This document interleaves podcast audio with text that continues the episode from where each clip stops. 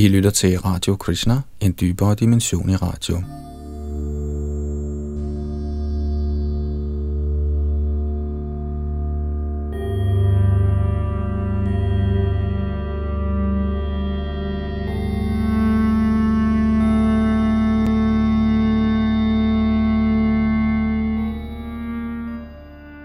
Så er vi nået til kapitel 8 i Lalitanats bog, Darwin i nyt lys. Kapitlet hedder Den molekylære evolutionsforskning. Bag mikrofon og teknik sidder Yadunandandas.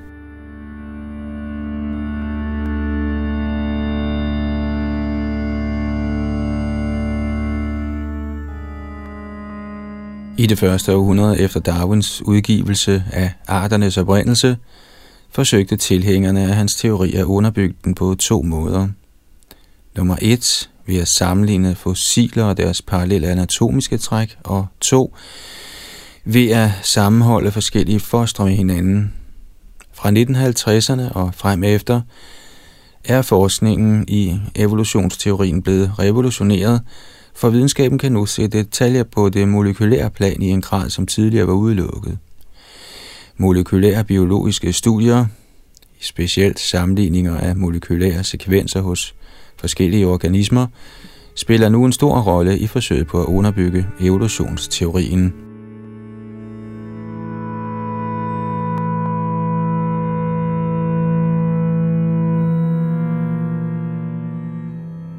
Bedre biokemi og mere avanceret udstyr har givet biologerne et nærmere indblik i, hvad cellen består af. En række proteiner, RNA-molekyler og gener er fælles enten for alle eller i det mindste for mange arter, men ikke desto mindre varierer den præcise rækkefølge af aminosyre i proteiner og nukleotider i RNA og DNA fra art til art. Forskerne går ud fra, at disse forskelle skyldes evolution og anser derfor nu sammenligninger af disse sekvenser for en vigtig måde, hvorpå man kan fastslå evolutionære relationer mellem forskellige organismer.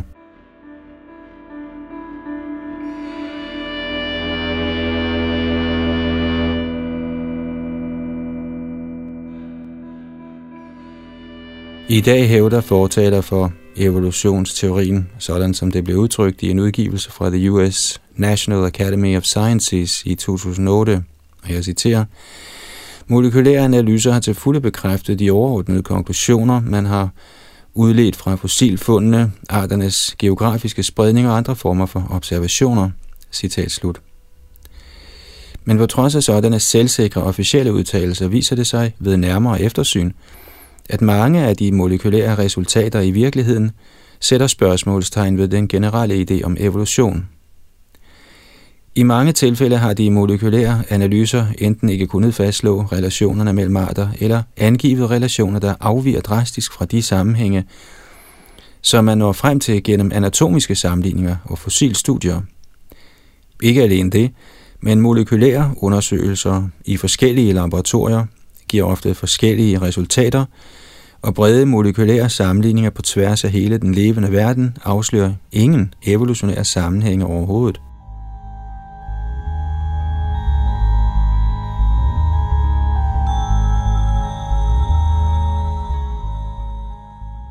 Ekvidistance Da det blev muligt at kortlægge aminosyrenes sekvens i hemoglobin hos forskellige organismer, fandt man, at sekvenserne varierede betragteligt.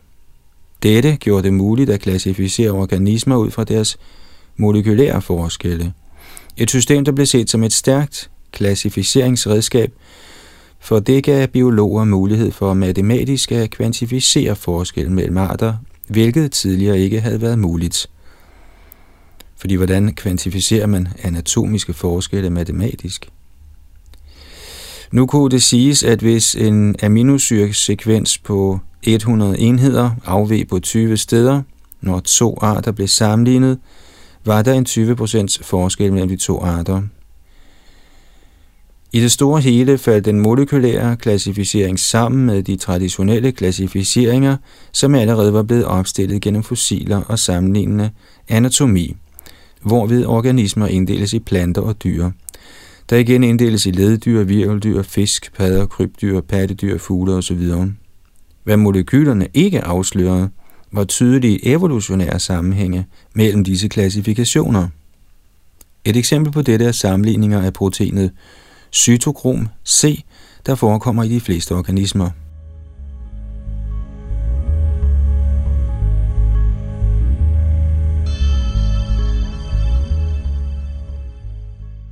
Ved at sammenligne cytokrom C viser det sig, at den molekylære afstand og derfor den formodede evolutionære afstand mellem for eksempel bakterier og næsten en hver anden klasse af liv som insekter, fisk, planter, padder, krybdyr eller pattedyr er omtrent den samme. En evolutionist ville naturligt forvente, at fisk er tættere på bakterier, end padder er det, og at padder igen ville være tættere på bakterier, end krybdyr er det. Men det viser sig, at alle de forskellige klasser af virveldyr er mellem 64 til 69 procent forskellige fra bakterier. Det samme er tilfældet, når vi sammenligner insekter med alle virveldyrs ordner. Fisk, padder, krybdyr, fugle og pattedyr.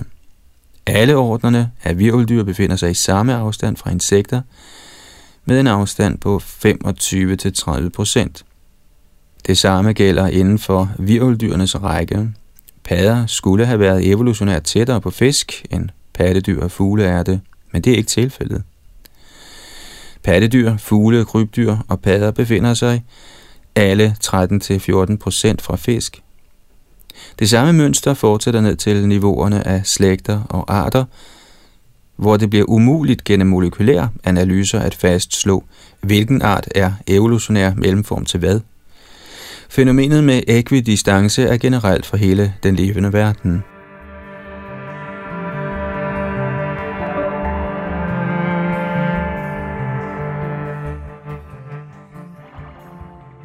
Fylogenierne, der udeblev.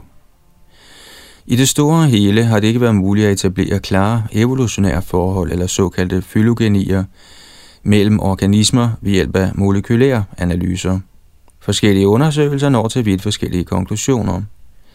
Virveldyr bliver generelt klassificeret som tættere på leddyr, altså insekter og krebsdyr, end på nematoder, en gruppe af runorm.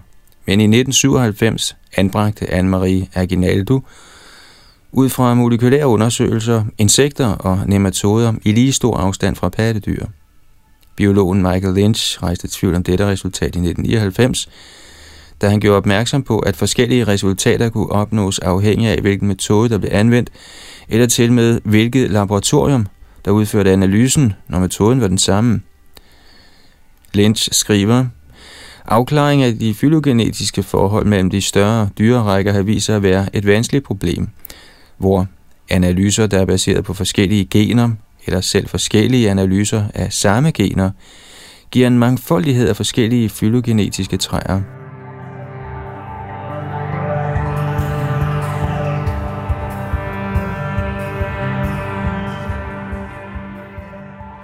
Lynch håbede, at bedre metoder ville gøre det klart, hvordan forskellige dyrerækker fylogenetisk er relateret til hinanden. Men polemikken fortsætter.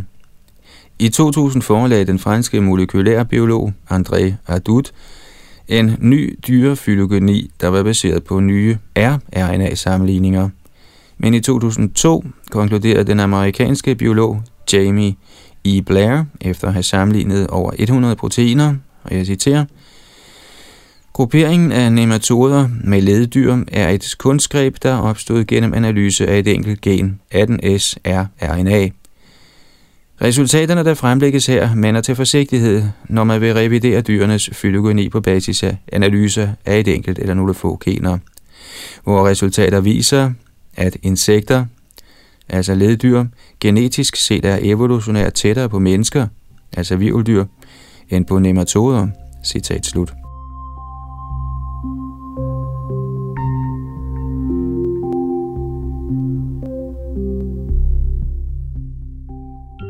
I 2004 placerede Julie I. Wolf virveldyr tættere på fluer end på nematoder, efter at have undersøgt over 500 proteiner med tre forskellige fylogenetiske metoder.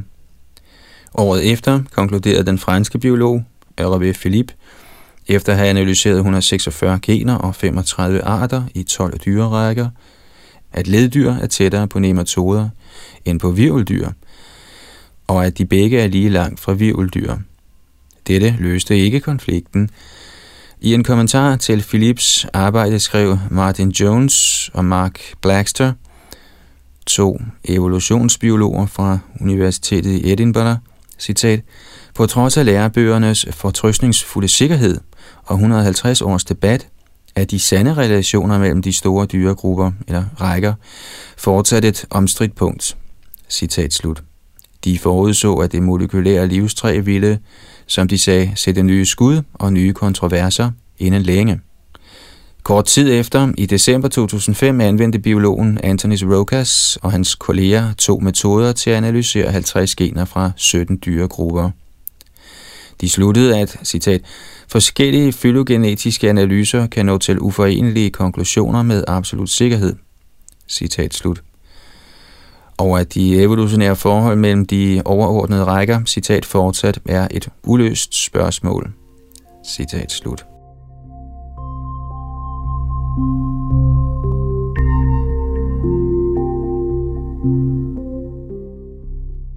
Universel fælles afstamning Ifølge darwinismen deler alle levende organismer en fælles stamfar. I 1980'erne stod den amerikanske mikrobiolog Carl Woese i spidsen for et forsøg på at kortlægge livets træk og identificere den, som han kaldte det, universelle fælles stamfar gennem molekylære analyser. Ved århundredets udgang var tingene imidlertid endnu mere uklare end før. Molekylærbiologen James A. Lake og kolleger bemærkede, og jeg citerer, da videnskabsmændene begyndte at analysere forskellige gener fra forskellige organismer, fandt de ud af, at deres forhold til hinanden stred imod det evolutionære træ, man havde opstillet på basis af R-RNA alene. Citat slut. Dette blev bekræftet af Hervé Philippe og Patrick Forter. Citat. Med flere og flere sekvenser til rådighed viste det sig, at de fleste proteinfylogenier modsiger både hinanden og er RNA-træet. Citat slut.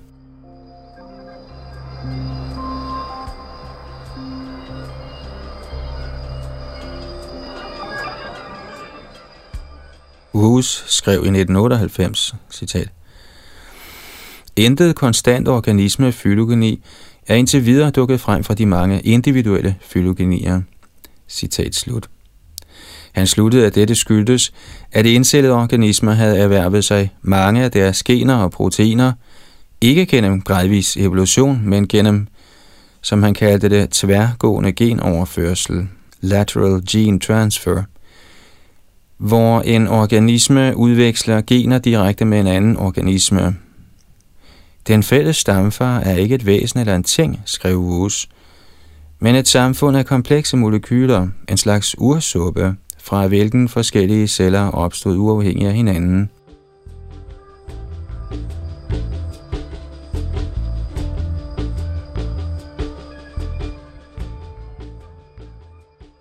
Omkring samme tid som Wu sagde dette, udtalte evolutionærbiologen W.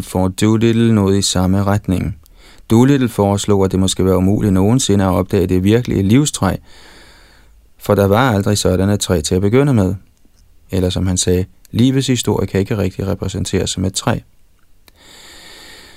Andre mente, at der godt nok eksisterer et sådan, og det har en virkelig rod, en fælles stamfar, men at roden ikke er en simpel celle uden cellekerne, som man normalt er gået ud fra, men en kompleks celle med cellekerne, fra hvilken de mere simple celler er blevet udviklet. At dette ikke forklarer, hvor denne komplekse celle skulle være kommet fra, siger sig selv.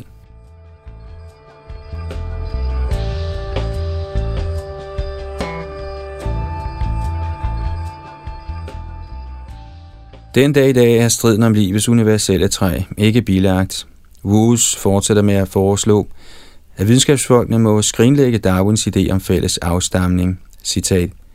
Det universelle træs råd er et kunstgreb, der opstår, fordi man vil tvinge det evolutionære forløb ind i en repræsentation som et træ, når denne repræsentation er malplaceret.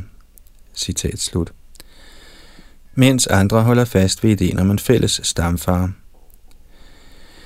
Hvorvidt nogle af disse opfattelser er rigtige, har vi til gode at finde ud af, men sikkert er det, at det hidtil er mislykkes molekylærbiologien at etablere universel fælles afstamning og alle arters virkelige fylogeni.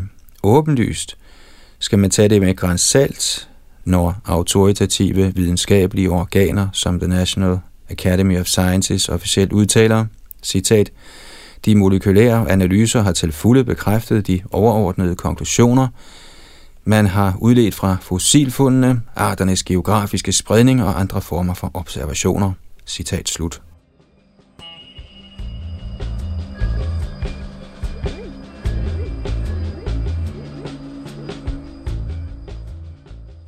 Mitokondrielle Eva Indtil sidste del af det 20. århundrede måtte evolutionisterne nøjes med undersøgelser af fossiler og andre fundne genstande, når de forsøgte at spore menneskets historie.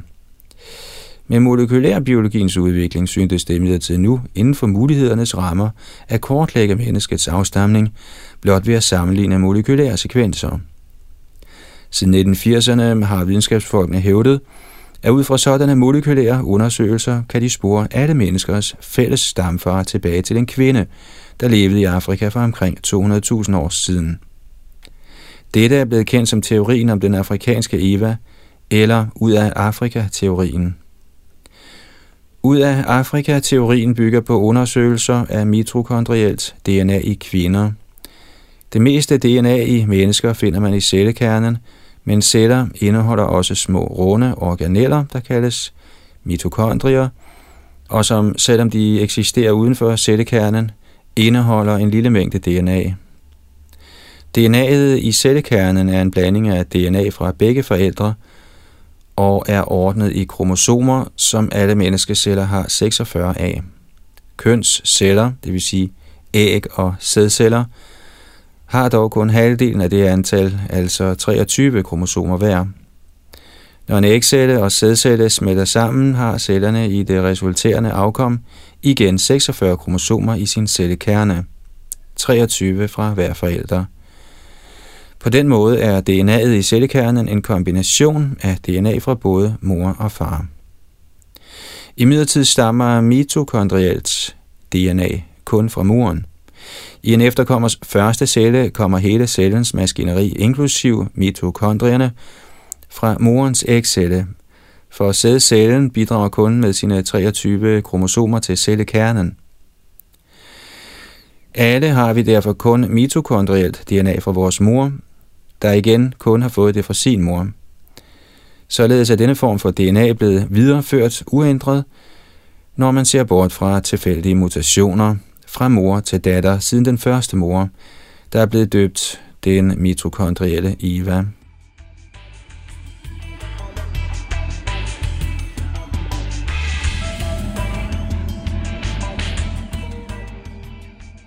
De afrikanske EVA-forskere hævder, at mitokondrielle EVA levede i Afrika for ca. 200.000 år siden. De nåede til denne konklusion ved at tage det mitokondrielle DNA's mutationsrate og sammenholde den med forskelle i det mitokondrielle DNA i forskellige befolkningsgrupper verden over. På den måde mener de at kunne klarlægge, hvilken population der er stamfar til en anden, og hvor længe siden det er, at de to populationer deltes. Det betyder i praksis, at genetiske forskere har analyseret store mængder af mitokondrielle DNA-sekvenser fra grupper af mennesker over hele verden med computerprogrammer, der sorterer information i statistiske træer. Forskerne forsøger at fastslå det simpleste træ med det mindste antal forgreninger, hvilket med andre ord er det statistiske træ, der ser ud til at kræve det mindste antal evolutionære ændringer for at forklare sine data. Dette træ mener man repræsenterer de faktiske historiske relationer mellem forskellige populationsgrupper. Som en ekstra kontrol skal dette træ også udvise den største variation i mitokondriel DNA, siden det har haft længst tid til at ansamle mutationer.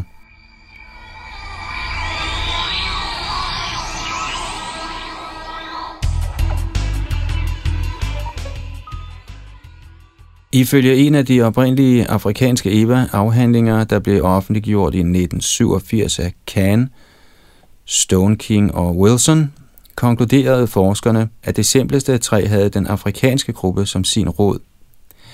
En anden rapport i 1991 af Vigilant, Stone King, Harpending Hawks og Wilson bekræftede denne konklusion. Men alting er ikke så soleklart, som det lader til. Genetikeren Alan Templeton påpeger, at ved nye analyser af samme data som i første undersøgelse fandt andre videnskabsmænd 10.000 træer, der var mere simple end det træ, som oprindeligt var blevet fremført som det simpleste. Mange af disse træer havde blandede asiatiske afrikanske rødder. I en analyse af den anden rapport fandt Templeton selv over 1000 træer, der var mere simple end det, der var blevet hævdet at være det mest simple. Alle disse havde ikke afrikanske rødder. Så vidt teorien om afrikanske Eva ifølge Templeton.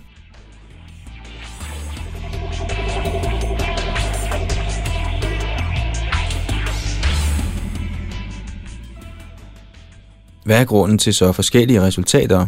Alan Templeton forklarer, jeg citerer, Computerprogrammer kan ikke garantere, at det simpleste træ vil blive fundet, når man har med så store datamængder at gøre, for det er en alt for stor informationsmængde til at kunne blive undersøgt til bunds. Citat slut. Han gjorde opmærksom på, at i en af undersøgelserne var der 1,68 gange 10 i 294. 20. mulige træer. Det overstiger en hvilken som helst computers kapacitet at undersøge selv en brøkdel af så stor en datamængde. Hvad computerne i stedet gør, er at udvælge et træ, der kun er det mest simple inden for en delmængde af det totale antal mulige træer. Hvilken delmængde afhænger igen af den rækkefølge, i hvilken information bliver givet computeren.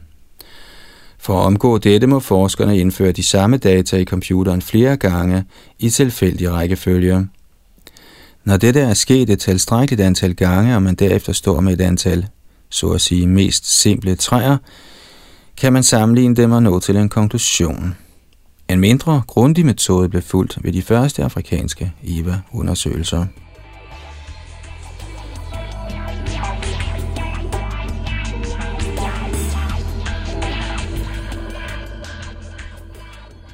Hvad mere er, løser den tilfældige indførelse af data ifølge Templeton ikke engang problemet. Sådanne analyser bygger på en del antagelser, der er vanskelige at bekræfte, og som kan vise sig ikke at holde. Et eksempel på en sådan antagelse er, at mitokondrielt DNA ikke skulle være genstand for naturlig selektion. Her har nyere forskning nu vist, at den antagelse er forkert. Man er også gået ud fra, at i alle de geografiske områder, der er indgået i undersøgelserne, har der været samme befolkningstilvækst. Det behøver ikke nødvendigvis at være tilfældet.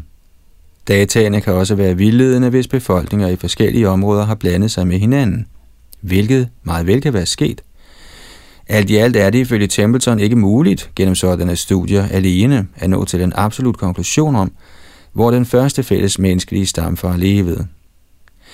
Ligesom den sidste fælles kvindelige stammoders geografiske placering er tvivlsom, er hendes alder på 200.000 år det også. Igen afhænger denne alder af, at en del antagelser er korrekte, for eksempel hvornår mennesket og chimpansen skilte sig ud fra hinanden. Nogle siger, at dette skete for 4 millioner år siden, mens andre giver tal på 6,9 eller sågar 10 millioner år. Dette forudsætter selvfølgelig, at mennesker og chimpanser overhovedet har en fælles stamfar. Nogle vil nok synes, at det er at ville bevise fælles afstamning ved at antage fælles afstamning, hvilket er en cirkelslutning. Men hvis vi ser bort fra det, kan de 200.000 år, når disse forskellige tal køres gennem regnemaskinen, let gå hen og blive til så meget som 1,3 millioner år.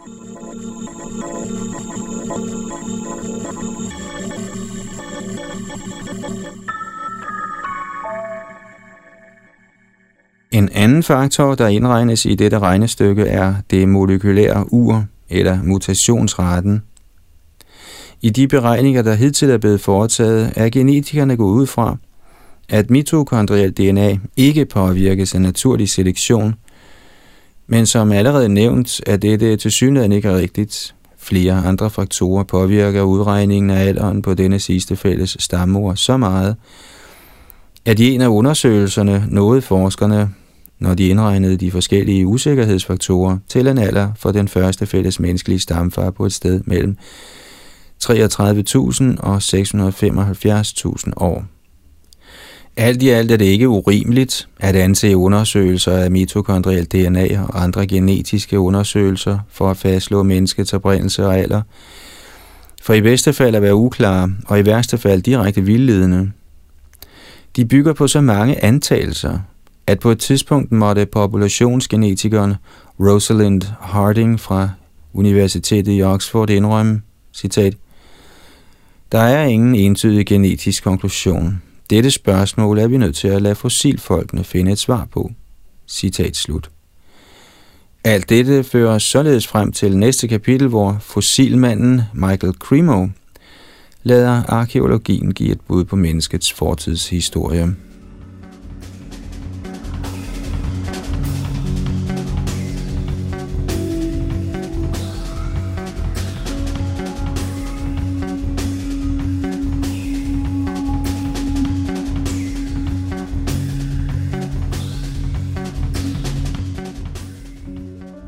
Slutter altså Lalitanadas i 8. kapitel, den molekylære evolutionsforskning, i sin bog Darwin i nyt lys, her oplæst af Yadunandandas, der også styrer teknikken.